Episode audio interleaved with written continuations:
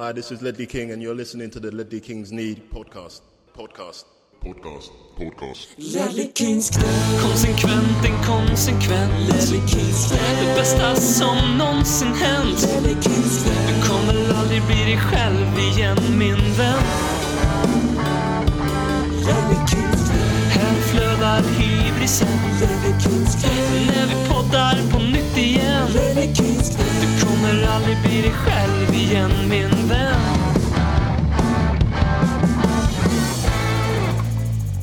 Hej och välkomna till den värmländska radioteatern om Tottenham Hotspur, norra Londons obestridda kungar, oavsett enskilda resultat. Eh, I Ledley Kings knä så gör, gör vi ju inget annat än att försöka lyfta människors moral och humör. Och vi vill att alla som lämnar det här avsnittet ska ha mycket studs i stegen, kunna leva i den självförnekelse som sociala medier ofta skapar hos oss i det moderna samhället. Man ska kunna förlora tre London-derby på, rak, på raken med 9-1 sammanlagt. Och ändå känna sig pepp och optimist, optimistiskt lagd inför klubben. Och allt som händer just nu. Eh, och i den andan så tänker vi börja veckans avsnitt med inte att analysera eller dissektera det senaste haveriet i Tottenhams eh, allt mörkare säsong 21-22. Utan vi kommer att börja jag, BM och min kamrat Håkman med att jag kommer läsa lite upplyftande citat för dig Håkman så får du liksom säga om du känner dig uppmuntrad efteråt och får lite mer löd i dojan och andra plattityder man säger när saker och ting är mörkt. Så jag kommer välja ut några. Det är eh, finns 18 stycken. Jag vill att du säger en siffra mellan 1 och 18 då. I vad, att ett är det viktigaste påståendet eller vad förstår inte? Nej, du ska bara säga en siffra så läser jag citatet. Ah, Okej, som ja, ja, ja, ja, jag med. Så säg en siffra. Eh, sju. 7, Aaron Lennon. Eh, det finns omtentor men inga omfester. Lev livet. Eh, 14. Det krävs bara en person för att du ska förändra ditt liv. Och det är du. Säg vem det är nu eller? Nej, det här är Nej. ingen... Det är okänd citatmakare. är Båda någon- två hittills är okända. De okända citatmakare. Det är säkert Okej. Robin. Vi har, vi säger nummer ett då. Nummer ett. Eh, av okänd igen. Mhm. Varje ny dag är en ny möjlighet att förändra just ditt liv. Åh fy fan alltså. Eh, Ta en sista här också. då tar vi nummer 10. 10. Kom ihåg. Flygplan lyfter i motvind, inte i medvind. Henry Ford. Mm. Känner du dig uppmuntrad nu? Jag känner mig mer irriterad innan jag gjorde kom in, måste jag säga.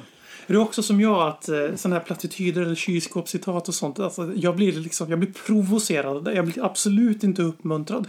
Men Om man, man tror att det är eh, de, att de där få orden är liksom inspirationen till vändning i livet, då har man nog det är att lura sig själv. Det är som att säga att man springer ett, en löprunda så är man vältränad och inte behöver kunna äta chips resten av veckan. Det är lite samma sak.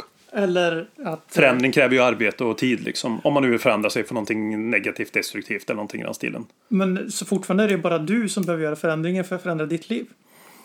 Jo, jo, men vad var det? Det där, det var någonting, ja. Ja. Flygplan lyfter bara i motvind. ja nej, Jag trodde citatet var drakar lyfter i motvind, inte medvind. Jag blir ganska besviken nu. Oj. Ja. Eh, men eh, sådana här eh, pep sessions då som vi tyvärr börjar bli en veckolig instans i Tottenhams säsong är att vi måste varje vecka sitta här och försöka muntra upp er lyssnare. Så ni kan väl skriva lite egna kylskåpscitat till oss och skicka in till oss via vår Twitter så ska vi kanske ta med dem i nästa veckas avsnitt efter vi har förlorat några matcher till och så ska vi jobba på det här med att vara så positiva vi bara kan. Nu kör vi! Långa poddar, Spurs.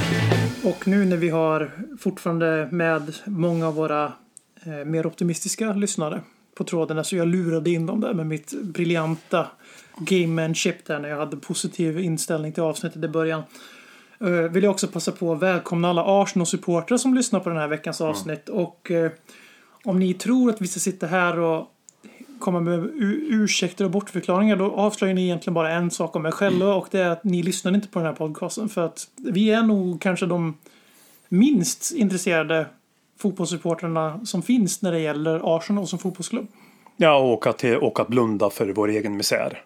Ja, det är inte riktigt vår grej. Inte Nej. riktigt vad vi jobbar Nej. med här. Eh, Men vi spelar ju ett North London Derby mot eh, lillebror Arsenal.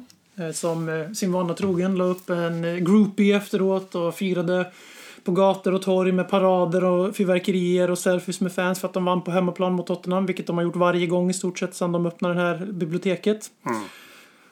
Eh, Och de vinner eh, 3-1, fruktansvärt rättvist. Inget snack om saken vilka som var bäst på plan i den här matchen och det var de rödvita. Håkman, när du såg startelvan, hur reagerade du? Eh, all Gun Blazing. Nej men den, vad fan. Det var ju många spelare i det där startelvan som jag hade velat sett. Eh, kanske inte samtliga på planen men, man jag tyckte väl då, alltså Skip kände jag väl någonstans. Vart var Skip? Det var väl den jag saknade mest. Eh, att Ndombele skulle få fortsätta spela, men det kändes väl ändå helt okej utifrån att han har ändå visat någon form av positiv ehm, framåtrotation sista tiden. Ehm, backlinjen, jag ska vara helt ärlig. Alltså, backlinjen utifrån att när Davidson Sanchez och Eric Dyer spelar ihop så har det ju sett bra ut. Fram tills här och nu så att säga. Så den, den var jag inte heller någonting emot. Överlag så var jag väl inte så där jättebesviken på startelvan. Det var väl skip där jag ville få in. Jag vet inte vem jag skulle vilja få bort bara. Jag börjar faktiskt tyvärr... Ja, Delali möjligtvis hade jag velat få bort. Eller dansken till och med snart också då. Nu med, men det, det känner jag mer nu efter den här matchen igen faktiskt. Om man ska ärlig. Det kanske jag inte kände då. Så, vidare. så det var väl Delali mot, mot Skip då möjligtvis. Jag gick ju från Chelsea-matchen och la upp det så också i mentalt och på diverse sociala medier eftersom vi har någon form av egenintresse i att vara relativt aktiva på de här skräpapparna för att vi har en podcast som vi vill att en del folk ska lyssna på. Typ, jag vet inte riktigt. Mest känner jag att det är som att slippa gå till, eh, vad heter det, eh, KBT. Och lära sig citat. Och lära sig citat. Vilket jag kan bekräfta att första gången jag gick till en KPT så fick jag många sådana där floskler i ansiktet. Mm, Och okej. Ja. i- I andra sammanhang så har jag fått det fantastiska citatet att eh, en dag ska du dö. Men alla andra dagar ska du det inte. Nej. Nej, jag vet. Eller vadå? Jag reagerar också på sådär. Jag kan, Jaha. jag kan inte ta till mig sånt där. Det går Ja, men så går ju därifrån jätteinspirerad då. Någon, någon form av Rocky Balboa-känsla. Springer ut därifrån med luvan över huvudet. Och Kan du tänka dig, tänk dig, du sitter i omklädningsrummet. Det ligger under med 3-0 mot Arsenal Ja. på Emirates. Och så kliver Nuno in och så bara Grabbar, dag ska ni dö. Men alla andra dagar ska ni inte det. Nej. Alltså det, jag hade lämnat in transfer request på Twitter i paus. Ja, ja, ja, ja, ja. ja. Nej, men eh, det jag var inne på lite för jag blev helt sidetrackad i mitt eget ego. Det var att eh, jag ville se huruvida nu någon skulle faktiskt våga bygga vidare på Chelsea. Där Mm. Vi ställde upp ganska offensivt och vi i första halvlek gör det ganska bra med funktionellt pressspel, bollinnehav och lite kombinationer. Alltså det såg ut som att vi hade en idé om vad vi ska göra med bollen, vilket är tyvärr den ribban vi har just nu. Klarar vi av att hålla bollen inom laget med någon form av idé? Vi har inte sett det sedan Pochettino s- 2000, hösten, 20 vintern 2018 och så delar av våren 19 i Champions League. Nej. Så det var ett tag sedan sist. Och eh, svaret var ja och nej. Vi fick ju se en mer offensivt balanserad elva på papper. Eftersom att både Ndombele och Delali spelar på mittfältet bredvid eh, Höjbjerg. I praktiken dock, och det här är viktigt att påpeka för det har varit, blivit en liten intern eh, debatt i Parrots påpekar, Parrots påpekar, Parrots pågar. Att eh, vi, hade vi spelat så som du sa med två defensiva mittfältare, nu sa inte du den sista här, att det hade det kunnat se annorlunda ut. Självklart det, så är det ju alltid. Därför vi sitter här med kapten, kapten Hans hindsight. ja, men precis, precis.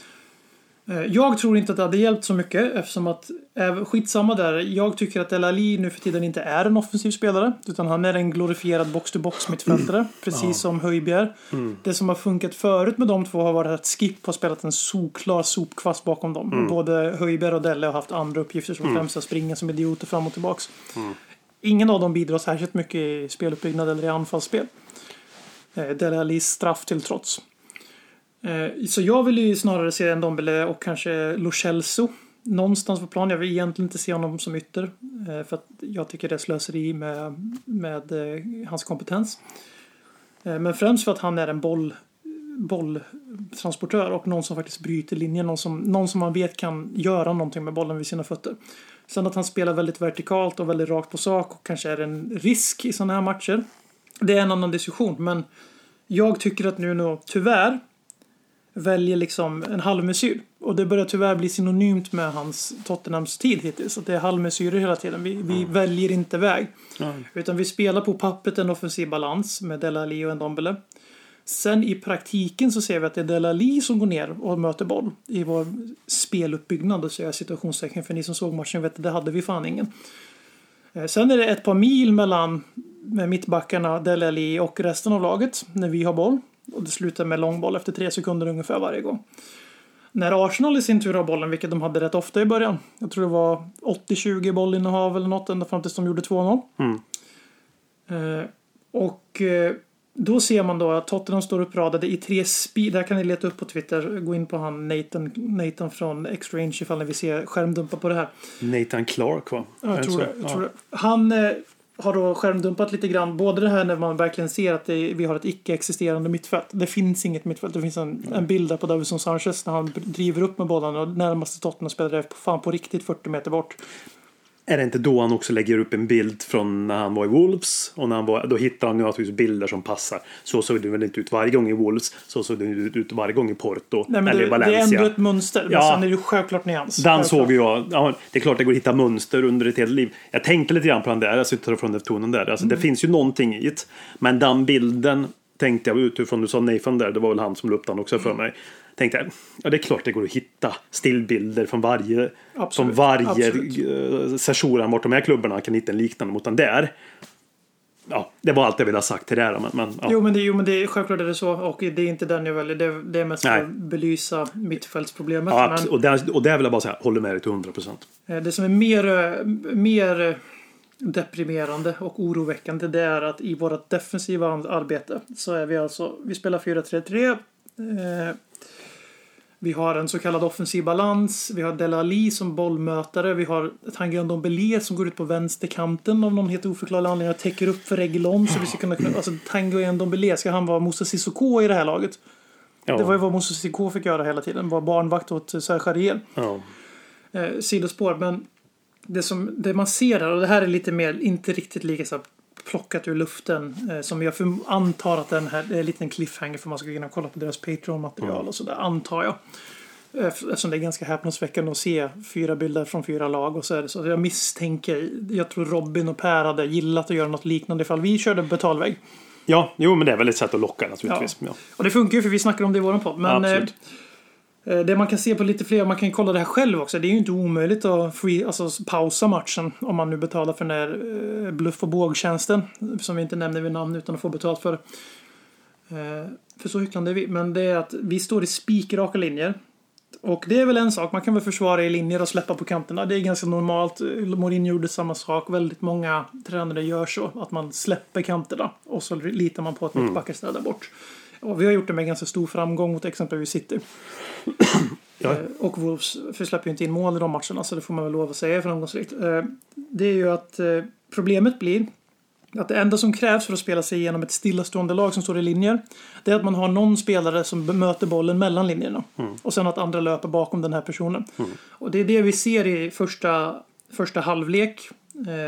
Gång på gång på gång på gång på gång. Att framförallt Ödegaard och Smith Rowe de kommer ner och möter boll mellan våra linjer och det är oceaner med yta. Eh, och sen så vänder de upp med bollen. De har oceaner med yta. Eh, och sen så springer folk bakom våra spelare som står stilla i de här linjerna. Och sen så blir det kal- kalabalik. Eh, och alltså det här är en taktisk, ett taktiskt haveri. Som jag kan fan inte komma på på rak arm när- när man har sett någonting så självklart. Så att man till och med som idiot i soffan som inte har någon särskilt hög fotbollsutbildning ser de här grejerna i live på tv. Vad, vad tror du han ville få ut av det här äh, taktiska tänket han hade innan matchen då tror du? Eh, ja, För han ville ju naturligtvis få ut någonting bra utav det. Inte att det skulle se ut så här naturligtvis. nej men det, det, det, såklart, så är det ju inte. Men vad, vad, om du, vad tror du han ville få ut utav det då? Om du ska ta den bollen på uppstutt om man det går. tänka, först och främst om man tänker på hur vi bygger upp spel, där Mm. vi har samma sak igen med stora ytor, så är det ju det här liksom att det ska gå snabbt och vertikalt och vi vill, vi, vi vill komma in bakom Arsenals backlinje ganska fort. Mm. När vi försvarar så försöker vi styra ut dem på kanterna. Där är väl tanken att vi ska vinna andra bollar. En högre ag- aggressivitet helt enkelt i laget. Som Det hade ju behövts ja. För att du ska kunna spela raka Mm. presslinjer i det här som han, i den här matchen då behöver du ju faktiskt pressa som ett kollektiv som vi gjorde nu var som bäst under Pochettino. Och som han gjorde när jag tyckte han var som bäst i Wolverhampton. Ja, absolut. Att det var absolut. nyckeln var deras aggressivitet Absolut. och deras pressspel. Eh, Problemet i den här matchen är att vi har ju inte, vi har Harry Kane som pressar mer än vad vi har sett på ett tag. Kanske han faktiskt uppe. Han är ju nia i den här matchen. Han spelar inte vänster 10 eller vad man ska Nej, säga. nej. Eh, Det är ett problem vi har haft och det här har vi också haft länge. Så det här ligger inte på Nuno utan det ligger på Mourinho och Pochettino. Så det uppenbarligen ligger på truppen då. Ja, För det får man ju lov att börja erkänna nu. Och vi kommer komma in på truppen senare. ja Men absolut. att vi ser att det är mycket individuellt pressspel. Det är inte så att när en trigger, alltså till exempel att någon tar emot bollen hårt eller att den studsar ifrån eller att man får ta den i bröstet och stå emot så man får lite tid att springa närmare spelaren. När de sakerna händer så sticker en av våra spelare på bollmottagare och kanske att hela lagdelen, till exempel Lucasson Kane, hela lagdelen sticker och trycker. Och så följer mittfältet inte med. Nej. Det som enda som händer då är att den här mittbacken eller högerbacken slår en passning och sen så är tre Tottenham-spelare överspelade. Och så finns det en ocean av yta istället för Exakt. att folk ligger på. Ja, jo, men den är... Så det, det, här, det här är ju det, över, det, det är väldigt oroväckande här. Förutom att det var en halvmesyr att vi på papper ställer upp offensivt och sen går in med inställningen att spela väldigt defensivt och utnyttjar motståndarens misstag. Ska man göra det, då håller jag helt med dig och många andra. Ska man spela på det här sättet, då släng in både Skip och Höjberg. Låt dem vara sopkvastar, låt dem skydda backlinjen.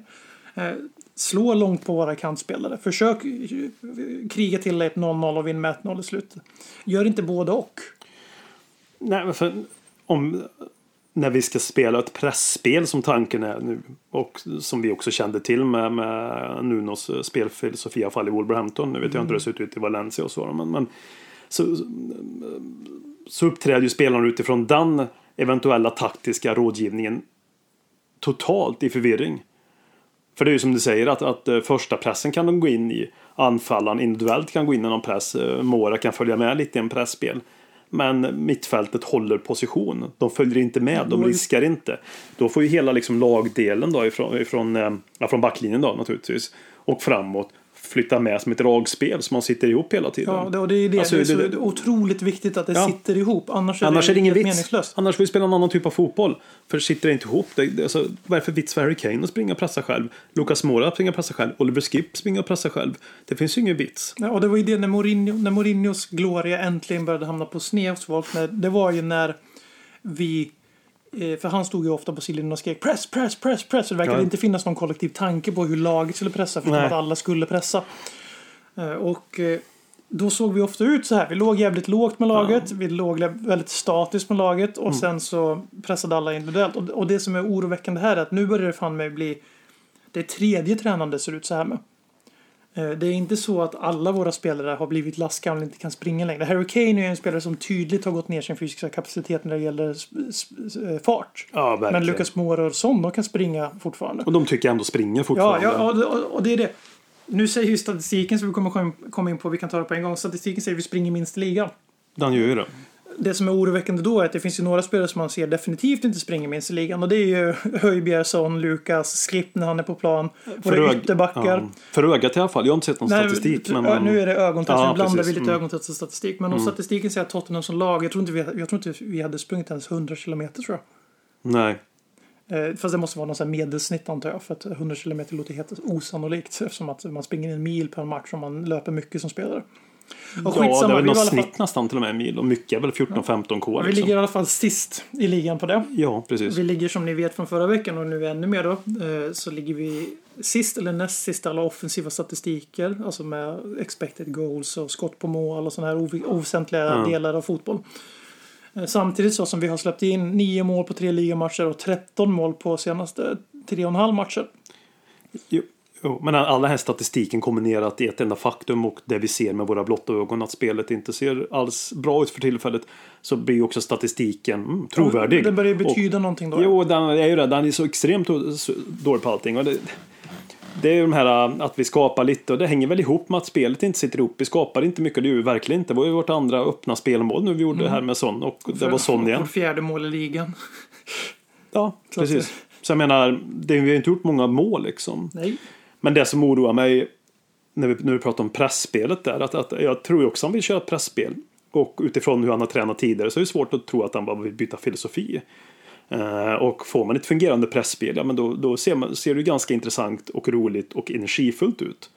Eh, och då hade vi nog, om vi hade haft ett någorlunda fungerande pressspel utifrån eh, det tanken är, då hade vi nog tyckt att fotbollen är ganska underhållande för det är en aggressiv fotboll och det är en fotboll som är intensiv och händer mycket. Men det fundamentala i pressspel, någonstans måste han ha förmedla hur han vill spela Mm. i pressspelet. Det vill jag ändå tro. För det är en fotboll han känner till. Och vi spelade ju exakt så mot City. Det, vi får inte Exakt. glömma bort det. Vi gjorde, och mot Wolves, det var bara att vi var sämre på utövandet då. Men vi framförallt mot City så var det ju det. Vi satt ju och spelade in den podden och sa att vi vann. Vi, förlorade, Och vi vann. Vi, vi, vi utmattade inte City, utan vi vann mot City. Vi besegrade För City. att vi vann pressspelet. För att vi gjorde de här rätta sakerna där. Delvis att City också är ganska... Det är lätt att säga. Många då säger att City är lätta att spela mot presspel. Ja, Men det De är väl jä- lättlästa, sen är Ja. de inte lätt att spela mot. Nej, för då hade ju alla lag kunnat lyckas mot dem. De, alltså, de är ju de passningsskickligaste lagen liksom i, eh, I världen, i förmodligen. världen ja, förmodligen. Efter Kalmar FF. Och jag menar... Och då, och då så... Rydström till Spurs. och då i alla fall så kan, kan det ju två saker som oroar mig i det här.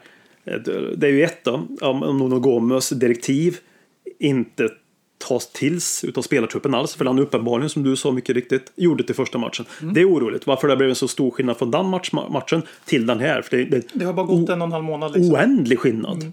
Okej, Det säger någonting om truppen och spelarna tänker jag. För att de har ju inte under den här tiden blivit lobotomerade och tappat intelligensen. Även om de kan se ut så. Och nummer två som hänger ihop med pressspel. Det kräver att du springer lite. Det kräver att du är, ganska, att du är uppoffrande mot dig själv och kanske springer även om du inte får så mycket ut av det rent bara för din egen gloria och personliga vinning på planen. Då är det ju den aspekten. Varför vill du inte springa i den, i den utsträckning som krävs för det här pressspelet? För det ville vi i alla fall med, med Pochettino och sen varje spelartrupp, det är olika och allt det här. Det, men vi kunde ju mot City. Så, alltså, Visst, Nuno har ju inte börjat bra. Du rabblade ju upp och pratade mycket riktigt om alla hans missar och taktiska misstag i den här matchen. Men någonstans också finns det ju elva spelare ute på planen som ska göra något typ av jobb också. Alltså, de fundamentala sakerna i fotboll. Ja, som de du vet inte, att de ska inte behöva läsa, lära sig de grejerna. jag låter, jag vet, man låter sådär ofta sådär icke-akademisk när man säger såhär spring.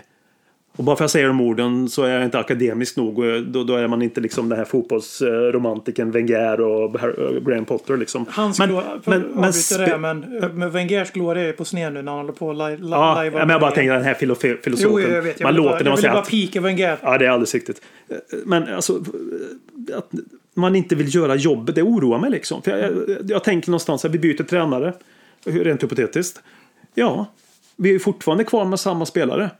Och jag tror nog inte att största problemet, inte största, nu är ett problem, men det största problemet tror jag nog är de andra som spelar på fotbollsplanen. Faktiskt.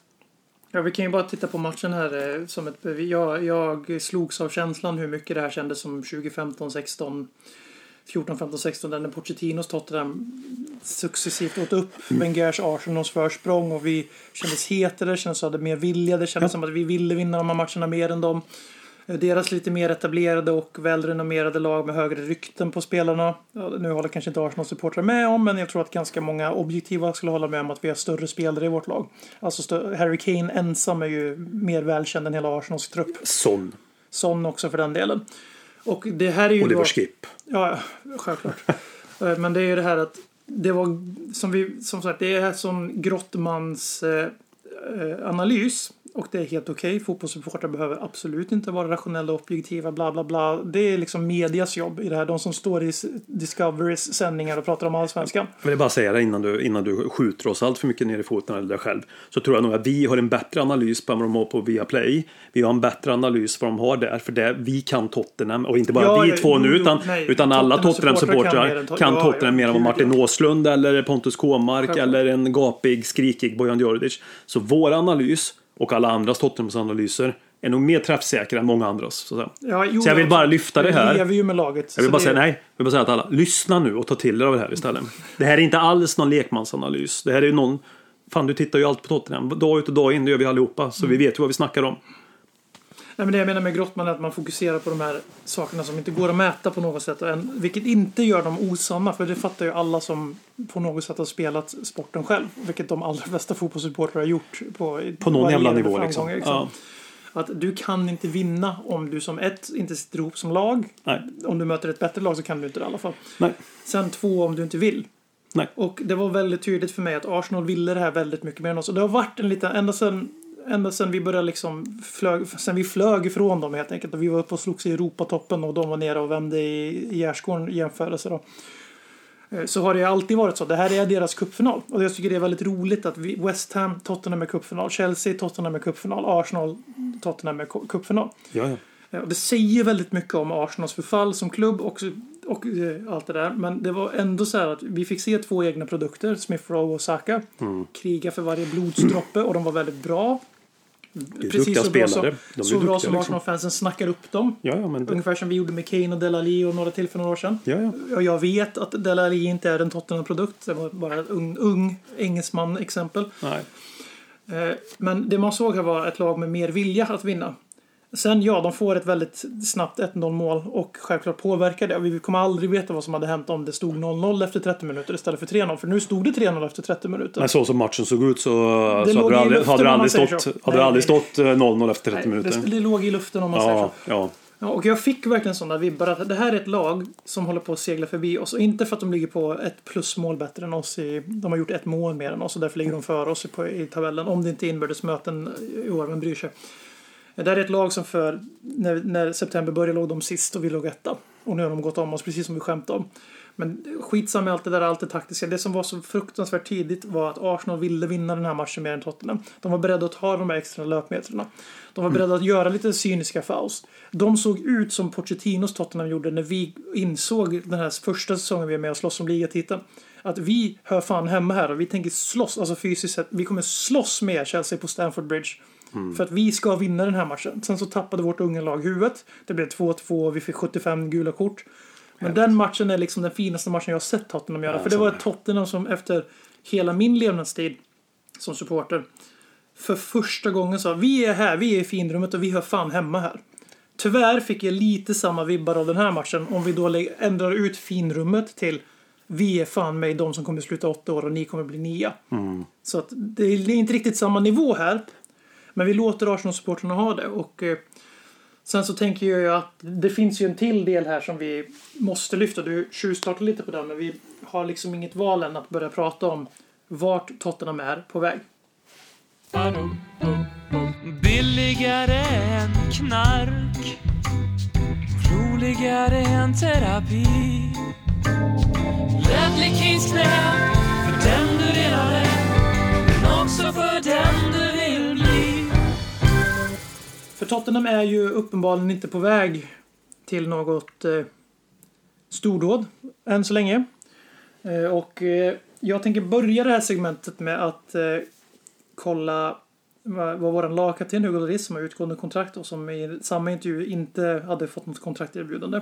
Men han gjorde en intervju inför North London Derby där han liksom ropade efter lugn och ro och tålamod och tid. Vilket är en lite annan framtoning än vad klubben har haft. Eh, Det här är ju bra att vi pratar på det här sättet eftersom vi är i en så kallad rebuild. Ah, trött på det ordet bara. Ja. Eh, Och några citat, jag kommer inte ta dem allihopa i detalj, men han säger då bland annat att det är väldigt tydligt att vi startar någonting nytt. Att idén är att det är en ny process och en ny era med unga spelare. Det kommer inte ta två eller tre månader, alltså så långt som det har gjort nu. Vi behöver tid, vi behöver för självförtroende, vi behöver hålla ihop. När jag ser att klubben går efter unga eh, talangfulla spelare, då kommer de vara här många år. Men de behöver vänja sig med Premier League, bla bla bla. Just nu kanske det inte ser så bra ut, men det kommer se bra ut i framtiden. Eh, Och ibland är det bättre att ta ett steg tillbaka och komma tillbaka starkare. Den här gamla klassiska klyschan för att knyta ihop säcken med introt här. Eh, Ta ett steg bakåt för att ta två steg framåt. Men Marcus Håkman, jag vänder mig till dig nu om det här. Ja, Och då frågar jag, vi håller på att ta ett steg bakåt. Det Mm. känns ganska tydligt. Men vad fan är stegen framåt här? ja, och vet man på förhand att steg bakåt innebär två steg framåt då kan ju ta ett, steg, ett steg bakåt alla dagar i veckan. Det, är liksom, det vet man ju aldrig. Det är liksom eh, en, en, en i perf- perfekta världen. Det, är alltså, om man, det, det jag kan se lite någonstans i allt det här, så nej. Vi fick kanske inte allt vi ville i transferfönstret. Vi fick inte fylla alla positioner vi ville. Men det går inte på en, en transferfönster heller. Det går inte att utvärdera Paritici nu riktigt än. Vi kan inte det. Det är lätt i affekt nu och jag känner samma sak. Jag kände framförallt det i samband med matchen och kände få, så lite fortfarande att jaha, det var hans tränare. Eh, jaha, han har köpt de här. Ingen får starta nu mot Arsenal eh, utav de nyförvärven. Vad, vad beror det på? Okej, nej men absolut. Så känner väl jag också. Men någonstans om man nu ska ge folk tid, någon form av eh, eh, trovärdig tid. Och då vet man ju inte om det lyckas heller. Det kan ju gå käpprätt åt helvete ändå naturligtvis. Det är ju ingen garanti med någonting. Men eh, det fanns ändå i det här några få signaler som jag mådde bra av att se transferfönstret för att se att vi kan ta två steg och lite där Loris pratar om, framtidens spelare. Och det är Brian Gill. Mm. Och det är den vi inte har än. Som uh, gör här. Jävlar vad han är upphaussad nu. Efter PSG-matchen. Det kan bara sluta fel nu. Pappa sa, ja han, är ju, han, är ju, han kommer ju gå in i min värld så ser jag en bild av att han bara äger mittfältet. Det är ju Kanté vi har köpt ungefär. Den. Nej men det är det jag menar att det finns kanske en, utan att veta hur de faller ut än.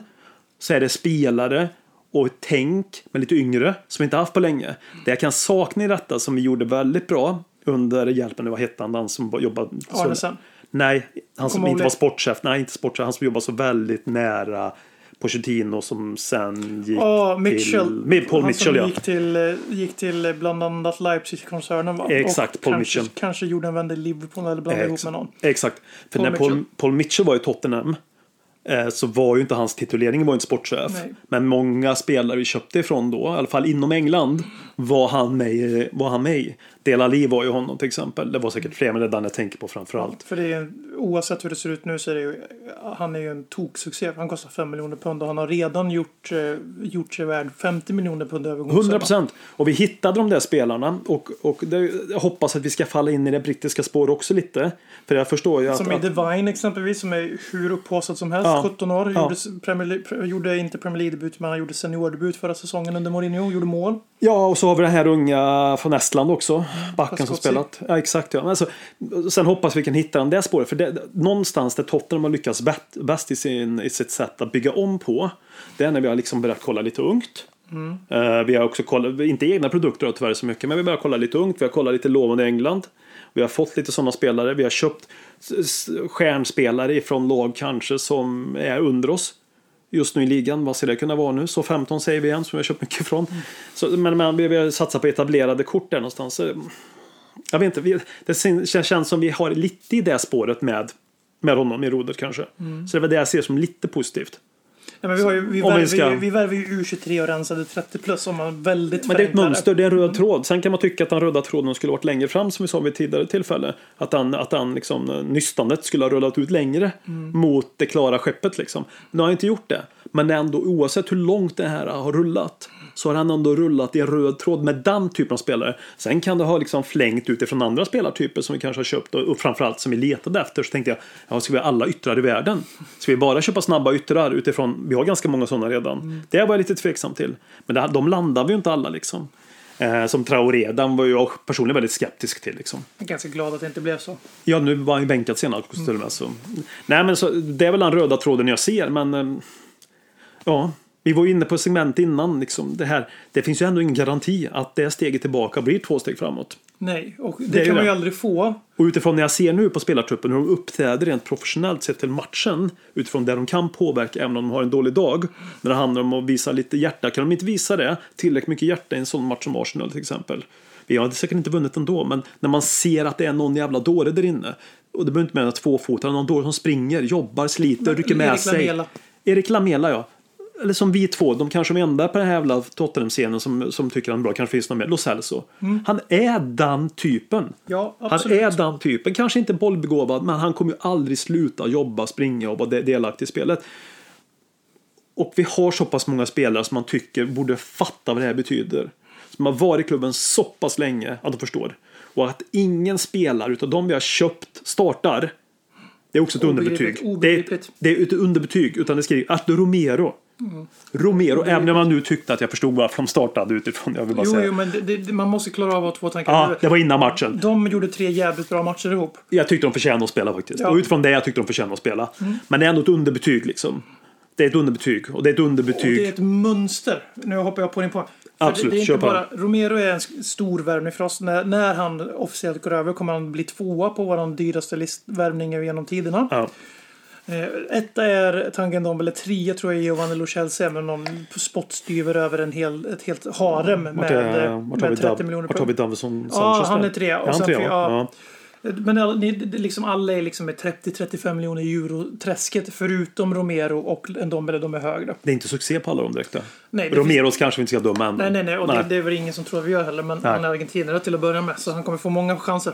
Ja, i alla fall i den här podden. Ja. Men eh, det som är problemet här, du pratar om det så här att eh, ingen av dem spelar ett underbetyg för Paratici på ett sätt. Och det är det ju på ett sätt och ett sätt inte. Eh, Som det är inte han som väljer ut laget. Men hur vi än vrider och vänder på det här så tror jag vi värvar en spelare som är tilltänkt för startelvan. Eh, Mourinho fick fler. Ja, Eh, här kanske Emerson Royal är tänkt. va? Ja, nej, förlåt, förlåt, förlåt. Två, Två, tilltänkta. ja, mm. Sorry, jag glömde. Jag Ja, glömde det är bort ingen... jag. nej. Eh, vi- Den tydliga U23-profil, äldre spelare ut, jag tror vi har minskat våra lönekostnader, bla bla bla bla bla. Alla de här rationella argumenten och ekonomiska argumenten vi använder för, för att känna oss må bra över Tottenham. Eh, Som vi har nu suttit i tre år och gjort. Eh, Och kanske som börjar lysa igenom i den här podcasten. Men för att återgå till spelarvärvningar så är det så att vi har en topp 10-lista. Där det bara är en odiskutabel succé och det är Jong Min Son. Mm. Ja, Jag tror han var billigast av de tio. Jag kan blanda ihop med någon miljon. Och då är han ju också äldst också i en annan Ja. fotbollsvärld med transfernivå ja, och sånt där också. Eh, Sen är det många som har gjort det habilt som Mm. med tanke på den extrema inflationen i fotbollen ändå får lov att anses vara värda sina pengar. Till exempel Mm. Lamela som gör, över, gör 200 plus matcher. Och så vidare. Men det, sen Davinson Sanchez värvades in och klev rakt in i ett mittlås tillsammans med Toby och Janne och var hur bra som helst. Mm. Så har vi lyckats vi aldrig få in våra nyförvärv direkt. Nej. Pochettino hade ju en liten grej, han hade sitt fantastiska citat You sign to train. Vilket var mer så att du, i vårt lag så behöver du ligga på en jävligt bra fysisk nivå för att spela. Så du behöver liksom komma i fysisk form för att spela. Men nu börjar det bli att vi har sett sommarfönster, vi ser sommarfönstret inför eh, Pochettinos sista säsong. Då gör vi tre fantastiska värvningar på papper. Vi värvar Championships bästa spelare något år innan i Ryan Session som var 18 eller 19 när vi köper honom. Han blev utsedd till bästa spelare i Championship när han var 17 majoriteten av säsongen. Luktade Bale. Ja, alltså jag tror vi glömmer bort det ibland. Alltså att vara på den nivån när man är 17 i Championship. Championship är ingen jävla korpenliga. Inte hans stats i alla fall. Nej, och nu spelar han högre upp i banan och sen där kommer vi direkt in på det. Vi har fortfarande inte 2021 september 28 september när vi spelar in där 18-21. Han är fortfarande inte tydligt om han är tänkt som en vänsterback, ytterback, wingback eller ytterforward. Vi vet fortfarande inte det, tre år senare. Ja. Eller tre, tredje säsongen senare. Vi värvar Giovanni Lo Celso. Folk typecastar honom direkt som en Christian Eriksson ersättare fast de är inte särskilt lika i spelstilen. Lo Celso är mycket likare Lamela i spelstilen. Tanken är att han är en mer habil fotbollsspelare än Lamela. Att han skulle få ut mer av sin produktivitet. Han hade gjort en, precis som Lamela hade gjort i Roma i och för sig, väldigt produktiv säsong i Betis. Vi spelar honom ibland som defensiv mittfältare. Vi spelar honom ganska ofta som central mittfältare. Vi spelar honom då och då som tia och då och då som högerytter. Då kan man ju fråga sig, alltså, när vi har köpt de här spelarna en gång i tiden, oavsett vad vi köpte, det hoppas vi blir med sportchef. Och det är jag lite orolig med. Att, det vara, Att de har en roll. att de har en roll, de att, att sportchefen köper spelare utifrån hur Tottenham ska spela fotboll. Att då, då värvar vi tränare utifrån de här spelartyperna. Ja, så att Lo Celsos roll som är tänkt utifrån sportchefen, då den som var tränare då när han köptes, att den tränaren som kommer in ser på fotboll på samma sätt. För det är ingen Inte bara för- så här opportunity signings. Det är ingen- Oj, en nej. ung argentinare som gjorde 15 poäng La Liga. Vi köper honom. Men det är ju lite så det känns som de beskriver då, här hur det har blivit då. För nu, det fanns väl en tanke då antar jag när, när vi köpte dem under Pochettino. Han var ju där ett tag, naturligtvis. För han, han blev inte så länge kvar. i klubben så att, uh, Exakt. han var ju lite Sir Alex i Tottenham. Ja, så när vi har kommit dan i alla fall. Till att, ja. Ja, men alltså hur mycket inflytande... ja, men det är det jag menar. Mm. Och Men, men sen när det kommer nya som ser de här på olika sätt. Då kommer det alltid vara vissa spelare som inte kommer falla inom ramen utifrån hur de ser på dem. Uh, utifrån vart de nu ska spela. Men vi måste hitta en röd tråd där. Jag hoppas att vi det kan fortsätta på. Och det tänker jag väl lite grann. Det, det är därför man blir att ingen har startat än. Utav de här spelarna. Och exakt, det är det, det jag bygger på. För vi kan Ja. lägga till den tredje stora fisken här. Och det är ju då Tanguy Ndombele, klubbens överlägset dyraste spelare. Jag tror han... Nu vet jag inte om Son gick över han i lön när han skrev sitt nya kontrakt. Denna nya ikon, Son. Som väljer att eh, faktiskt committa till Spurs i det här läget. Mm. Han har ju också varit med om de här tre säsongerna med identitetskris. Eh, Men då, Ndombele, han har väl i stort sett använts i alla fall centralt. Han spelar mittfältare eller tia. Eh, Och han har inte heller levt upp till förväntningarna. Jag vill vara tydlig, Lo Celso och Sessignon har inte heller gjort det. Men hur många spelare ska vi behöva värva som ska behöva eh, värma upp i månader, till och med säsonger? Eh, Hur kan det vara alltid spelarnas fel när det kommer till det här? Vi värvar prestigevärvningar som många andra klubbar är intresserade av. Som har gjort det bra i väldigt bra ligor. Som är unga, lovande och borde ta nästa steg i Tottenham. Hur kan det bli så att varenda en står still, går bakåt eller händer ingenting? Ja, Då, där och då så måste jag acceptera som supporter att det är inte spelarna. Det kan inte vara varenda jävla spelare är felscoutad. nej, nej. Eh, Och om det är det, då är det ju uppenbarligen någonting, eh, då är det uppenbarligen scout, scouternas fel. Och sportchefens fel som vi inte hade någon då. Nej, nej, men... Eh, Så det där är ju någonting ruttet i Tottenham. Sen kommer vi till nästa poäng och det är ju att vi har hattat mellan tränare sen så länge jag kan, så länge jag kan komma ihåg. Men vi tar, vi tar 2010 och framåt till idag. Då har vi Harry Redknapp, en viss typ av tränare. AVB, en helt annan typ av tränare. Tim Sherwood räknas inte, men en helt annan typ av tränare. Mauricio Pochettino igen, en ny typ av tränare.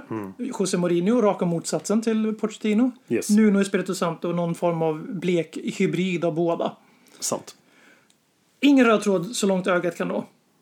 Eh, Och vi ser samtidigt en förändring i sportchefer. Vi hoppas alltid det Håkman sa, liksom att nu kommer det bli en röd tråd. Vi verkar ha en tydlig profil på våra värvningar. Alla namn som kopplas samman måste ofta unga lovande spelare som ska ta nästa steg. Jada, jada, en Kulusevski det senaste. Oh yeah. Ja, vill man ha. Gärna för mig. Ja. På riktigt. Ja, ja, på riktigt. Eh, Jag brukar inte vilja ha så mycket svenskar i Spurs annars för att de Det är sällan tillräckligt bra. Men unikt. Alexander Isak och Dejan Kulusevski kan jag tänka mig. En Kulusevski. ja. Isak är för att han är AIK. Så att, jag- Eh, Han men, är eh, duktig, han är duktig Isak. men eh, det som är problemet för Tottenham, eller det finns inte bara ett problem, men eh, det är ju det här att det är för tidigt i processen. Du var inne på det, du sa så här, ja vi måste vänta på Paratici. Det är helt, helt orimligt att liksom hänga honom för något. Det som gör mig orolig med Nuno, vi har pratat om det här i långbänk redan många gånger. Han behövde övertala Livi att anställa honom. Ja. För att han inte hade den här profilen som Livi gick ut och sa och sen anställde en sportchef som inte delade den bilden. Redan där känner man ju igen den i Livi lite grann. Det är ju den här bilden vi får av honom, rättvist eller inte, i media. Att han, gärna, rättvist. han är gärna inne och pillar i det här. Kan inte du säga vems fel allt det här är också den här gången? Jag ska, jag ska. Ja, bra. bra. Eh, och eh, det som, det som vi kommer till det sportsliga då är att vi saknar helt identitet och jag vet att Tottenham Hotspur på sidan av planen gör väldigt mycket rätt och har växt ofantliga storlekar sedan jag blev Tottenham-supporter. Eh, Det är en klubb som eh, mina elever på diverse skolor i Sverige har jobbat på känner till, respekterar, gör narr av. De behandlar dem som de gör andra storklubbar. Varje gång man förlorar så är Tottenham skämt och varje gång Tottenham slår en av storklubbarna så är Tottenham eh, bäst. Tottenham hör- är inne i finrummet där. Tottenham är ofta med och marknadsför i Fifa-release. Eh, Tottenham är med på bla bla bla. Tottenham arrangerar boxningsgalor, bla bla bla. Tottenham är en jävla jätte helt plötsligt. Och inte bara för att man råkar vara en engelsk klubb i London. Utan för att man har gjort jävligt mycket rätt vid vid sidan av planen. Det förtjänar Daniel Levy all cred i världen för. Håll dig till den. Det sportsliga haveriet vi har sett de senaste åren sedan vi sparkade våran överlägset bästa tränare i, ja jag säger det sen Bill Nicholson. Det är andra sidan av myntet här. Vi famlar efter identitet. Vi är storklubben Tottenham i, i, i styrelserummen. Vi är storklubben Tottenham marknadsmässigt. Vi är storklubben Tottenham på alla sätt, förutom sportsligt. Vi har glömt bort att man bygger storhet på sportslig grund om man håller på med idrott. Och vi famlar så desperat i mörkret efter vilka vi är och vad vi vill vara. Och vi kan titta på dagens trupp och vi kan se hur Nuno ställer upp det här laget för att se de här olika blocken med. Vi har det offensiva bollförande Pochettino Tottenham kvar. En Dombele, Lo Celso, Dele Alli, Harry Kane, Son. Sen har vi några av de här spelarna som är bättre än så kan spela i alla typer av fotboll. Och där lägger jag igen in Jong Son och Harry Kane och det är därför de enda världsklassspelarna vi har. Men sen har vi också José Mourinhos Tottenham kvar. Där vi har Pierre-Emil Höjbjerg. Vi har Oliver Skip som är lite orättvis mot honom. Han är en akademispelare. Men vi har liksom Höjberg är fotbollsarbetare. ju en, det är en bra... Han är, den Han är ju verkligen med där. utåt. Absolut. Vi har Pochettino ytterbacken i Sergio Reguilon. Och sen Ja. har vi José Mourinho ytterbackarna i Tanganga och Royal just nu. Som är lite mer, de ska stanna hemma och försvara och så ska Mm. Reguilon bomba upp och ner på kanten. Eh, och vi är så fast mellan de här två tankarna och hur vi vill spela fotboll så det till och med är så att vår klubbordförande går ut efter en lång period av väntan på veckans nästa tränare skulle bli. Och säger vi ska spela på ett visst sätt för att i nästa omvändning anställa en sportchef som ville någonting annat och anställa någon kompromisslösning. Och jag kan inte riktigt sätta ord på hur eh, otroligt stark vår identitetskris är. Men det jag kan definitivt säga och stå bakom är att om inte Tottenham väljer väg snart och jag vill se det i laguttagningarna framöver, välj tillbaka till Nuno. Välj väg nu. Vi kommer alldeles strax komma in på truppen och prata om det här ännu mer, men välj väg nu, för det kommer vara för sent. Vi spelade, råkar spela i en liga där eh, våra rivaler är rätt köpstarka och vi har sett eh, Chelsea, City, Liverpool och United pounsa på den här möjligheten. Arsenal och Tottenham följer av. Jävlar vad de satsar för att döda möjligheten att ramla ut topp fyra för att säkra Champions League-miljarderna. Eh, Det känns mil bort nu för Tottenham. Ett lag som var, liksom spelar Champions League-final i juni 2021. Jag kan inte ens föreställa mig längre hur vi ska spela Champions League före 2025. Och det går inte att komma ifrån att om man bara får peka ut en ansvarig så är det Daniel Levy. Och med det sagt så ger jag honom fortfarande högsta betyg för det han har gjort utanför det sportsliga. Men ju, ju längre vi kommer och går så verkar det kännas mer och mer som att Harry Redknapp, Maurizio Pochettino var jävla bonröta och eh, allting annat är vår riktiga sportsliga kompetens. Mm. Ja, ja, ja, jag är helt enig med dig. Jag har haft min, eh, min synsätt på den här herren eh, innan vi började trycka på rec liksom. Under ganska många år. Så det, det, det, 100% är det så. Vad är det som består? Vad är det som är den eh, gemensamma nämnaren genom det haveriet som du pratade om? Vad är det som alltid har varit liksom en del av haveriet? Jo, det är han. Och som du sa, som man alltid måste liksom bädda upp och förklara, som du säkert känner illa tvungen att säga. Ja, han har gjort det här bra, det här Ja, bra. För att det finns såna jävla, det finns såna där ute som varje jävla enskild, ja, vi har vuxit som klubb, vi har blivit så mycket bättre, uh, Liv, vi har gjort det här och det här med klubben. Ja, men vad fan har vi vunnit då? Två troféer på 20 år. Om nu troféer och blir fyra, då har vi vunnit betydligt mycket mer. Och då känner de sig illa tvungen för att liksom, folk ska fatta. Man får förklara Daniel Levy för folk som gillar dem. så man får förklara för barn att det inte är bra att äta godis varje jävla dag. Lite samma sak är det här. Folk fattar inte. Hur kan de inte fatta att Daniel Levy är den bestående delen som är kvar? Jag förstår inte. Jag kan, min värld kan jag inte förstå. Att sportsligt är han ett jävla skämt. Vad heter den jävla gröna grodan på TV3? Ja, just det. Apex har ju han som logo. Ja, den är ju bra. Jag vill inte dras på den. Jag tar tillbaka den. Det är en fin gubbe förresten. Inte Apex, Apex gillar jag. Jag tänkte gröna grodan. Men alltså, folk fattar ju inte det där. Alltså, det, för mig är det så såklart enkelt vart problemet ligger. Sen är det fler problem naturligtvis. Det finns ju, ett- han blir ju inte ensam med hundhuvudet. Men han är ju den största bidragande orsaken till varför vi hattar i besluten. Vad vi ska göra, vad vi vill göra och vilken framtid vi ska gå till mötes. Med Det är bara han sagt, som är kvar. Med det sagt, jag är fortfarande inte i Nick Out eller Livy Out. Skjut dem! För att alternativet är... eh, Alternativen... eh. Jag, jag skulle vilja veta på förhand vad de är först. Ja, det är också någonting som folk säger väldigt ofta. Så här, ja, vad vill du ha? Vill du ha en arab istället? Brukar få sig en arab äger en oljeshejk. Det har folk slängt mig mot hela tiden. Ja, ja. Nej, men för fan inte det jag säger. Jag vill säga att jag vill vara med, jag vill vara med Daniel Liv och Inik. För att det inte funkar. Liksom, det är liksom som att leva kvar i ett förhållande. Man byter inte sambo. För man inte vet vad nästa Nej, är. det gör man väl. Trivs man inte, går, funkar det inte, går det inte bra, man har provat alla möjligheter, då går man ju vidare för att få må bättre. Jag vet ju inte heller om, om de försvinner att vi får någonting som är bättre. Det kan jag omöjligt veta. Men att det inte kommer funka med honom utifrån det vi vill, utifrån den arena vi har, utifrån de visionerna vi vill nå upp till här och nu, utifrån hur vi har vuxit kostymen, så kommer vi inte nå det med honom.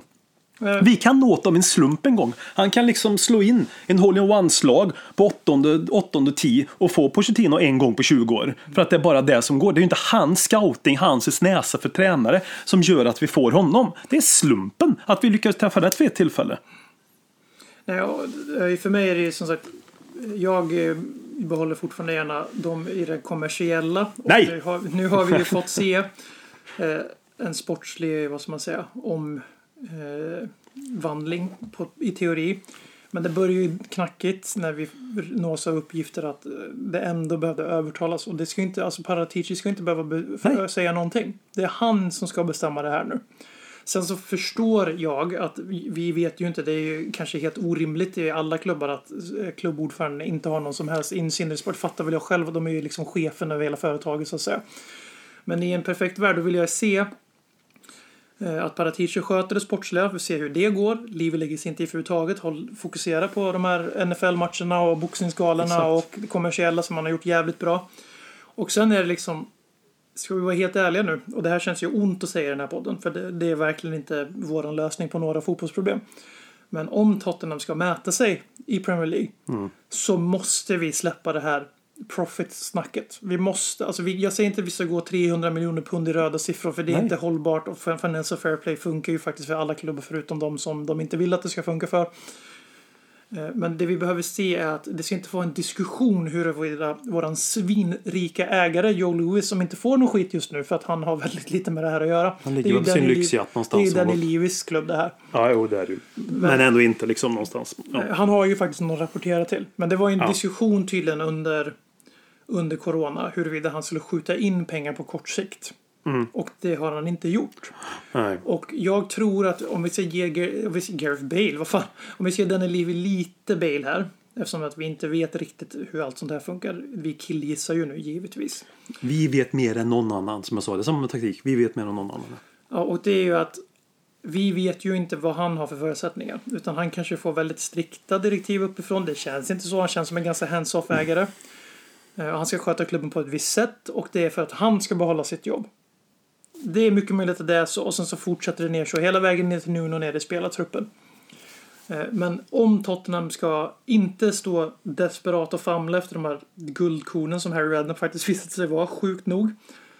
Och sen Maurizio Pochettino där det kändes lite mer lite mindre flax, lite mer faktiskt kunnande på tränarbänken. Det var ja, det vi hade. Ja, ja, nej, nej, nej, det andra håller jag med. Ja. Han, han var ju till att börja med inte, var inte första val. Han var inte poddens första val än, så det säger ju en del om att det var Jo, ganska ja. Han var spridda skurar. första val.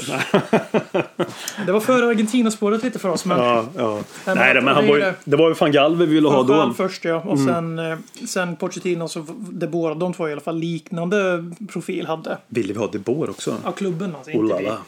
herregud. Men eh, det som är lite här att vi kan inte, det kan inte vara vår strategi. Vi kan inte hitta perfekt tränare vid perfekt tillfälle utan vi behöver ha antingen väljer vi väg nu och vi bygger Leicester, Dortmund, Sevilla andra klubbar som sköter sina, de säljer sina bästa spelare när, när det är rätt läge.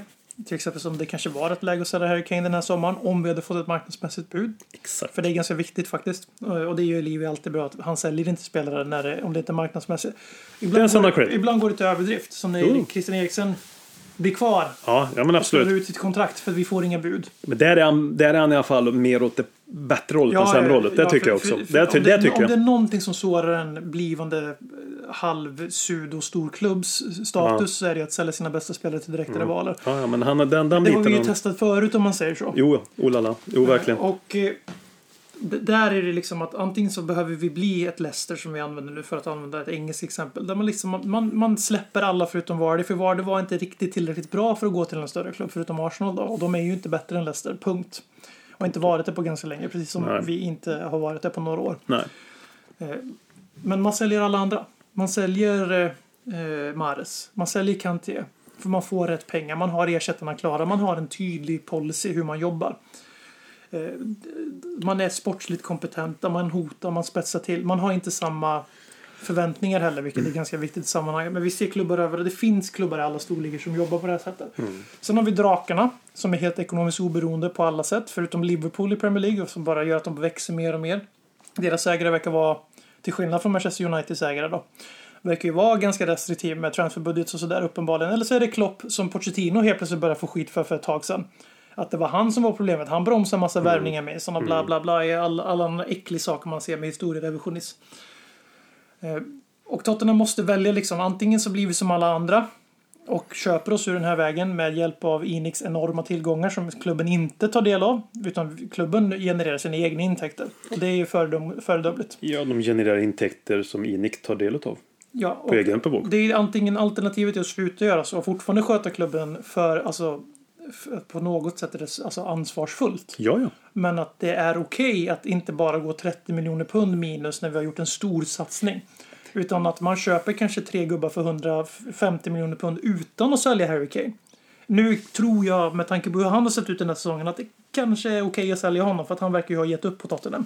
ja. Och det är ett sånt jävla svek mot hela hans legacy och allting. Det kommer ju säkert ha tid att prata om under de här 365 dagarna fram tills han eventuellt går. Men ja. Nej, och, det, och det vi måste göra här, alltså, för att avsluta den här delen, är att vi måste välja väg. Och vi måste välja en, vi måste skapa en ny profil. Vi, måste, vi kan inte bara ha våran lagkapten säga de här sakerna, utan hela klubben måste genomsyras av det. Och vi har sett en liten, liten korrigering i det där när, när, när Livi nu sa, sa i sitt senaste så här, chairman letter att vi vill spela europeisk fotboll, inte Champions League-fotboll. Och jag gillar att man ska inte ha för låga sportsliga krav. Det, vi vet i Premier League att Tottenham kan bli sjua även den här säsongen. Vi kan för fan med bli femma fortfarande. Topp fyra är ju dött lopp. Ja, ja. Men vi kan definitivt kvalificera oss för Europaspel och ändå vara en rebuild. ja, ja. Men det jag vill se nu är ju Nuno uppenbarligen inte den gubben. Det var någon som skrev till oss på Twitter att han är en glorifierad caretaker. Eh, Det har vi, håller vi med om. ja så är det. Eh, Och han, eh, han- jag tror aldrig han var lösningen utan han var någon tills Paratici kom in på jobbet och gör sig varm i kläderna och, och vet exakt vad som väntar och gäller. Eh, Men nästa tränarrekrytering, och det är helt sjukt att vi sitter i september och pratar om det, men det kommer oundvikligen att bli en sån. Nuno Espirito Santo kommer inte träna Tottenham i augusti 2022 om inte han vänder på den här stegen radikalt. Jag är helt övertygad. Och en av anledningarna till att jag är så övertygad, vilket gör oss till den sista delen av den här diskussionen, och det är det är faktiskt en grupp med människor här som vi har skyddat ganska mycket i den här konversationen. varit väldigt mycket liv i. Men det är ju faktiskt så att vi har 25 gubbar som representerar Tottenham varje vecka. Och ganska många av de här gubbarna har ju bränt sina broar nu. Alltså korten, de har spelat sin kortlek. Det, någonting måste ske. Mer måste ske med spelartruppen. Ja, det, är, det är ju två olika saker. Liksom. Alltså, att Liv inte har en röd tråd i det sportsliga. Det är det. Att, att tränaren inte nu har satt spelet. Det är det. Och att spelarna uppenbarligen inte vill ta löpmeter. Som, som vi var inne lite på där i, i eh, statistiken som talade för till exempel med löpmetrar. Liksom. Ja. Den finns ju inte där riktigt. Nej, men det här, det, börjar, det, det är svårt att säga. Alltså de gav upp på Pochettino. Då kunde man rationalisera det med samma röst väldigt länge. Krävande fotboll. Eh, inte riktigt fått en backning. Bla, bla, bla. Allting är ju mer komplext än svartvita svar. Det är lite så världen funkar. Eh, sen är det många som söker enkla svar, svartvita sådana. Eh, men sen så kommer vi till nästa, då kommer Mourinho in. Och då var det helt plötsligt så att Mourinho var eh, en stofil och var för annorlunda mot Pochettino, för låga krav på fitness och han var dålig på alla sätt och kanter och en dålig människa. Och Jag håller ju med om allt det där så jag var ju glatt på spelartruppens sida för att jag tyckte att Mourinho var direkt skadlig för Tottenham och eh, han är fortfarande lågvattenmärket. Eh, sen kommer Nuno spelet till Santo i och det kom under helgen ut uppgifter om missnöjda spelare som säger bland annat då att han är Mourinho värsta sidor utan troféerna. Saker som fans har mimat om sen han kom in. Och eh, vi, vi, skit i allt det där snacket som går. För det, det är bara, nu är det bara att pumpa Sky och alla på så här för att skapa. De älskar ju att skapa narrativ om klubbar för att dra ner klubbar. För att det, det genererar klick och intäkter för dem. Eh, De skiter ju i att eh, miljoner människor i världen liksom mår dåligt av det och bryr sig om den här klubben. För Ja, så gör de ju med alla klubbar. Även om vi som Tottenham-supportrar såklart tycker att Tottenham är särskilt Mest utpekade. utsatta. Ja, för att vi noterar Sen ska det ju också påpekas att det är bara Tottenham som man har aktivt försökt jaga bort landslagskaptenen och den bästa spelaren i klubbens historia förmodligen objektivt sett det. till en annan engelsk klubb och hävdar konkurrens som det viktiga. Så det finns lite att ta i där. Men den här truppen spelar inte för Nullnespelet och sånt. Santo. Om det är någonting man vet så är ny på jobben-effekten, att man, man har en ny chef att imponera på. Då anstränger man sig lite extra. Man kommer lite välkammad med skjorta till jobbet istället för t-shirt och baggy, jeans, eller baggy shirts. Eh, man har... Eh, man går inte hem halv fyra utan man sitter kvar till 16.00 fast man egentligen inte har någonting att göra. Utan man ser busy ut. Tottenham gör inte så. Och jag kommer fråga dig helt enkelt, om du bara utan att tänka nu, för det är viktigt att du ska inte tänka så jävla mycket. Nej. Du ska nämna de fem första spelarna du kommer på som verkar brinna för Tottenham Hotspur. Uh, Skipson, Dyer, uh, Loris. Ja, kan jag komma på någon? Nej, Mora. Ja, det är svårt att komma på fem. Nej, men det var någonstans försökte ta till studsen. Ja, Liksom. och det är det som är lite min poäng här. Att vi har, och det här känns som att det är en biprodukt av vår framgång, relativa sådan under Pochettino. Att Tottenham har blivit en väldigt attraktiv arbetsgivare. För du tjänar bra pengar, du spelar världens bästa liga. eh, Du eh, verkar vara svårt att komma därifrån. Eh, Du kan vara kvar länge, långt efter ditt välkomstdatum har gått ut. Och du behöver, verkar inte behöva anstränga sig jävla mycket för att eh, du får en ny tränare ganska fort om man inte anstränger sig. För att Tottenham har fångats i den här fällan av att alltid vara konkurrenskraftiga och farliga. Och om jag då tänker att om du skulle börja bygga Nunos Tottenham, för han måste göra någonting för att han ska ha ett jobb ens till 2022 börjar. Jag sa i augusti 2022 förut, men jag tror att han får svårt att överleva till januari 2022 om inte han vänder på det här. Eh, och om du tänker då... Om du bygger en Tottenham 11 nu med spelare som ska spela, de som är värda att investera i och sen så, så tar vi vilka som det är bara dags att säga farväl till. Ja, vilka som man tror kan till att börja med eh, investera det som behövs i, eh, i blod, svett och tårar. Ja, så att säga. exakt så. Grunden, den fundamentala fotbolls... Liksom, ja, jag vet inte om man får ihop en elva ens. Eller får man ihop en elva på det? Kanske inte, kanske. Nej, men eh, om man säger någon spelare, Skip ska ju definitivt spela. Mm. Ja, Och det bygger ju inte på att han är den enskilt bästa innermittfältaren i vår klubb. Liksom. Men han är närvarande. Mm. Eh, jag tycker någonstans att um, kvaliteten har han inte riktigt. Jag vet inte om han spelar. Men jag, jag, jag tycker alltid att Dyer brinner för Tottenham. Jag tycker det. Eh, sen om han eh, kvaliteten gör att han backar. Det Men alla behöver ju inte vara nyckelspelare. Vissa Nej. kan man ju bara ha i en trupp. Ja, en trupp, att- ja, det är det du menar jag. Okej, Dyer, såklart då. Inget snack om den saken. Tanganga, såklart då också. Inget snack om saken. Eh, För det, det, det du belyser här nu när du vill, du vill säga spelare, du kommer inte på för de är inte tillräckligt bra. Det är ju nästa del av Nej, nej, men jag vill, om man ska ha någon trupp, om de är med i trupp eller om inte, som ska bygga en, en, en ryggrad, en, ett fundament i att här kommer vi hit och här sätter vi de här värdena. Och här har vi den inställningen till det vi gör här. Liksom. Så är det de någonstans. Lucas Moura är definitivt en av dem. Son är definitivt en Mm. av dem. Eh, ja, kanske missat någon här nu på rak arm. Sen jag- finns ju de jag vill ha kvar som Romero, som Brian Gill och som Papestar när han kommer. Ja, men de vill ju också ha kvar naturligtvis. Loris tycker jag också, utifrån när man såg dokumentären, brann ju helt plötsligt Mr Ryggrad himself liksom på något sätt. Så det det är väl någonstans där, hitta den. Men vi kan ju, kan ju hoppa och skrika hur mycket vi vill att, att vi ska leverera någonting utifrån att eh, Nuno ska komma dit och hitta ett spel som ska funka. Men du, du, jag tror du är inne på en väldigt bra sak. Det har blivit en DNA i vår klubb lite grann. Att ja, här kan du komma, här är det okej att, att, att fejla. Här är det okej att inte göra jobbet fullt ut just nu. Här är det okej att inte investera det som behövs investeras för att du ska lyckas. Ehm, det, det, det fanns ju en, det här är också någonting jag faller tillbaka på, hur vissa tränare utifrån sin ledarstil får gruppen att vara på tå. Får gruppen till att utvecklas, får spelare till att överprestera utifrån sin kapacitet. Och som då märks när vissa tränare lämnar den klubben och sen helt plötsligt så blir det ett stort, stort tillbakaslag. Och jag säger det och jag säger det igen, slutet på med Sir Alex Ferguson i Manchester United så var det inte många spelare i det laget som var speciellt bra. Men de vann ligan, de slogs som titlar, de hade karaktär Parkinson, West Brown, John O'Shea. Ole Gunnar Solskjaer har ett betydligt bättre lag än vad Fer- Fergie Ja, hade i slutet. Darren Fletcher. Det var så många spelare i den truppen.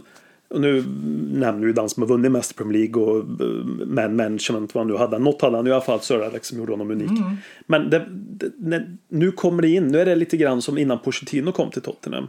När det är det DNA till Tottenham igen. När det är de här spelarna som fel spelare äger omklädningsrummet. Fel spelare utifrån utifrån fel led, vi har fel ledare som sätter, sätter vad som är okej och inte okej att göra, agera och hur man är i Tottenham. Nu vet jag inte det, nu går jag på vad jag ser på fotbollsplanen. Och det, det, är fel, fel, det är fel personer som sätter standarden just nu tror jag. Harry Kane ska någonstans sätta standarden. Jag tror inte Harry Kane ens vill vara där. Eller det vill han inte ens Nej, han vill lämna. tydligt. Men han visar nog, nog mer än vad jag trodde han skulle Ja, visat. Exakt. Ehm, och, så där var det väl mycket när... när vill igen. en Dombele, han har aldrig fått så många chanser som inte kostar 6 miljoner pund. Och vi hade aldrig hoppats och gett honom så många chanser vi heller med våra hjärtan. Och det var väl lite grann när Pochettino kom där att, att det behövdes en utrensning. De här spelarna där och då som rensades ut har inte samma kapacitet som de här har tyvärr då visserligen. Men det behövs en utrensning. Han gav dem en viss tid. Efter ett tag så insåg han att ja, det får bära eller brista. Jag kan inte fortsätta med, du får hjälpa mig med namn här. Adebayor, Kabul. Kabul. Det var ju fler då Men det var naturligtvis. fler, men det var ju de som, är, det var ju de Exakt. som var kapten och nu var väl inte Adebayor vice kapten men han hade ju ganska hög status efter Han var inte nästan vicekapten till och med eller? Ja, under, under Sherwood var han säkert det. Men, Men, men han hade ju någon form av ledar, ledarstatus i alla fall. Jag tror någonstans där att rätt spelare ska sätta agendan till nya spelare. Och då ko- kommer man in i en kultur i ett omklädningsrum som är på ett annat sätt. Jag tror det är vårt största problem nu.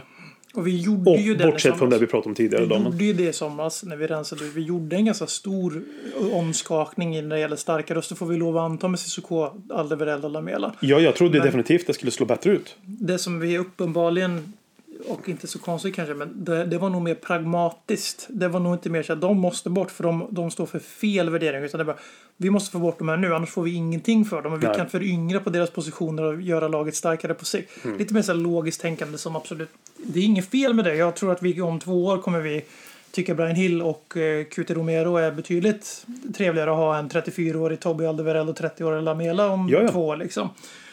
Eh, men uppenbarligen så finns ju eh, någonting kvar i dagens spelartrupp som skickar fel budskap. Och man behöver inte titta längre än till Jong Min Sons desperata försök efter 3-1 målet att tända lite liv i sitt lag.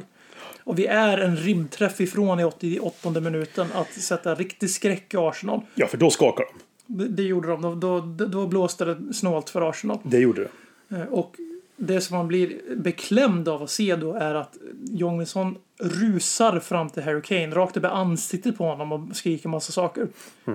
Det finns inte en värld där Harry Kane inte ska vara den som gör det mot alla andra.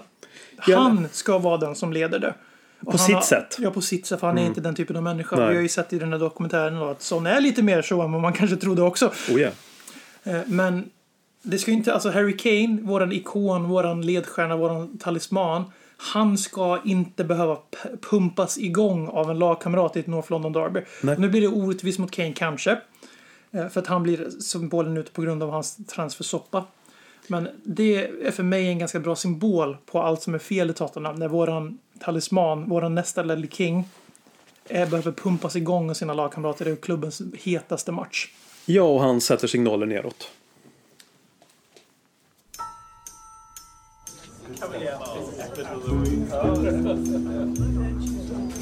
But I want to say one thing. I want you to listen to me. I'm going to say this again. I did not have sexual relations with that woman. Och jag kunde på rak arm konstatera en direkt lögn.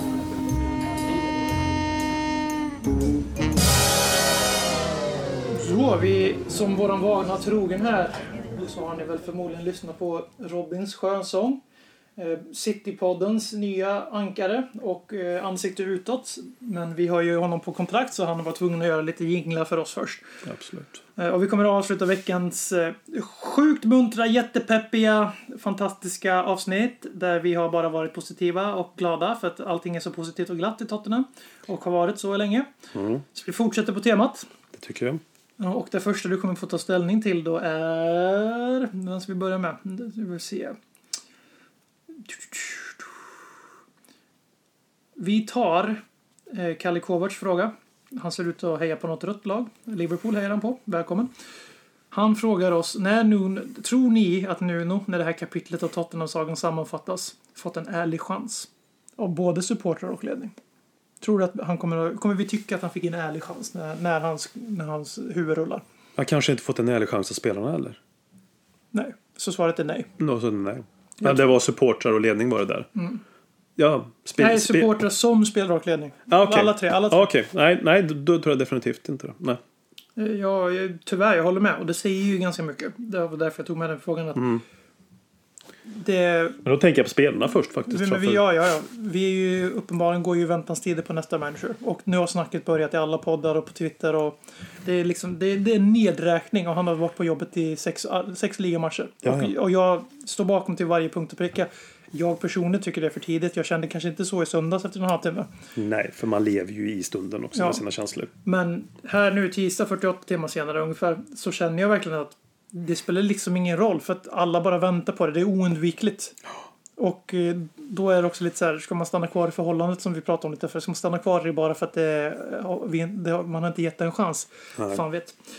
Eh, Nästa fråga är från Jesper, en Arsenal-supporter som faktiskt eh, interagerar med oss även när de förlorar. Inte de här som helt plötsligt dyker upp under stenar de har gömt sig under de senaste fem åren. Ja, ja, de är välkomna de också. Absolut. Han skriver pojkarna i Ledley Kings knä kommer in och får fria tyglar. A-transfers. Vad blir de tre viktigaste åtgärderna? Vi får inte göra transfers utan vi måste göra tre andra saker. Tre andra saker. Ja, men det är ju först och främst så... ehm, om vi ska enas i något då. Först, du där. Ja, men säga bye bye till Inik. Kan man göra det? Ingår det eller? Jag är ju, jag är ju en hycklare om inte jag tar med det i min filosofi Ja, i alla du fall. måste, du måste, jag känner, ju jag haft- känner mig baklåst här för jag vill, vill ju ta Ja, transferspåret. Ta med nästa du då. Vi tar en var så får vi enas om en då. Li- så Inic out och Ja. sen eh, mi- min nästa grej blir ju direkt eh, Nuno out. och ta in nästa tränare som får ett femårskontrakt och säger det här är ditt jävla lag och du är min gubbe och vi ska bygga det här tillsammans. Mm. Jag skiter i vem tränaren är, jag har inget namn utan det ska bara vara någon som inte är uppenbart är anställd för att Stefan ha... Billborn. Ja, varför inte? Men, men, eller Henrik Rydström.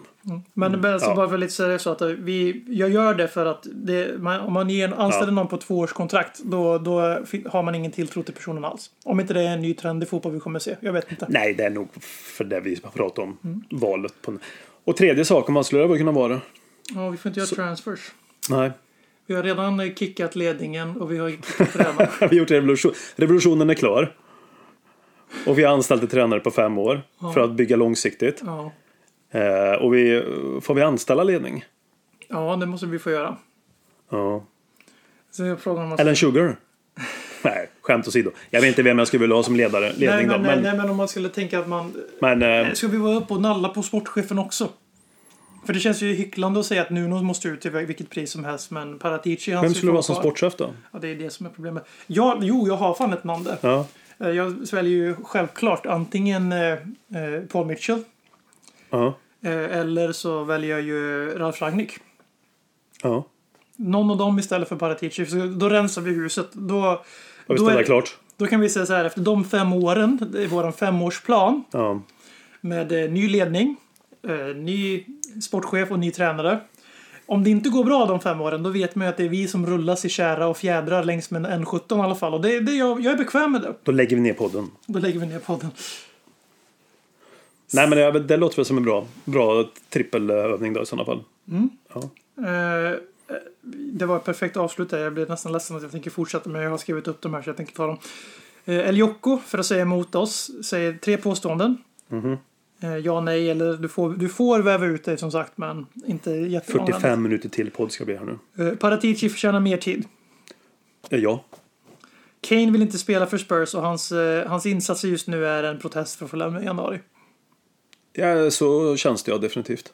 Inte, jag menar, en protest på något sätt i alla fall. När han vill lämna det vet jag. Men en protest Nej, känns men det jag, eh, Paratici försöker bygga en ung trupp med potential för att locka tillbaka Poch. Nej, det tror jag inte. Nej, Jag tror, jag, jag tror inte Pochettino vill jobba med en sportchef på det sättet. Nej, alltså jag är rätt övertygad om att vill Pochettino komma så är det nog han som vill styra och ställa hur Ja, saker jag, tror, jag tror att vi kan inte få både Paratici och Poch. Nej, utan nej. Vi får bara en av dem. Ja, nej, 100 procent. Eh, Milton har en fantastisk fråga här som handlar om andra världskriget.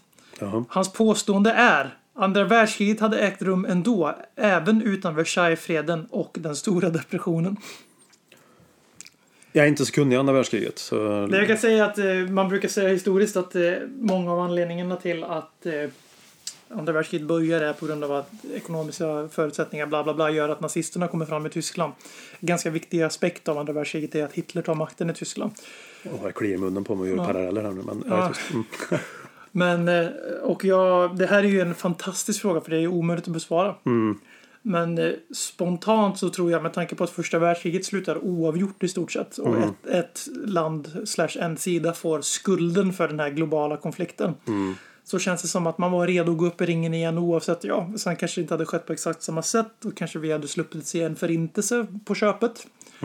Och alla andra, eh, alltså helt det finns ingen, finns, ingen, finns ingen motsvarighet till den ondskan vi såg där. Nej, nej, det, det går ju inte att... eh, Förutom Chelsea. Eh, Men, eh, och det är ju då att jag svarar då noggrant här att ja, jag tror att, att vi hade haft, det hade fortfarande funnits ett andra världskrig i historieböckerna. Det hade nog sett ganska annorlunda ut, men det hade fortfarande funnits ett. Och den, s- de enkla pengarna läggs ju på att USA och Sovjetunionen hade hamnat i ett andra världskrig eftersom att det finns argument för att kalla kriget var ett världskrig. Bara att man använde andra länder som spelpjäser. Mycket intressant. Och vill vi ha mer frågor kopplat till krig på Så, sätt, så man vänder sig så till Robert Folin. Det ska man definitivt göra. Definitivt på alla sätt. Men om man vill få någon form av gensvar från den här sidan podden som pratar nu. Lägg då in kalla kriget så att säga. För det tycker jag är mycket mer intressant. Så att. Jag är part i målet också tyvärr. Men kalla kriget är mer intressant. Alltså. Eh, avsluta veckans podd med någonting positivt om Tottenhams framtid. Någonting... När vänder det? Pappesar. Pappesar. Pappesar, your only hope. Yes.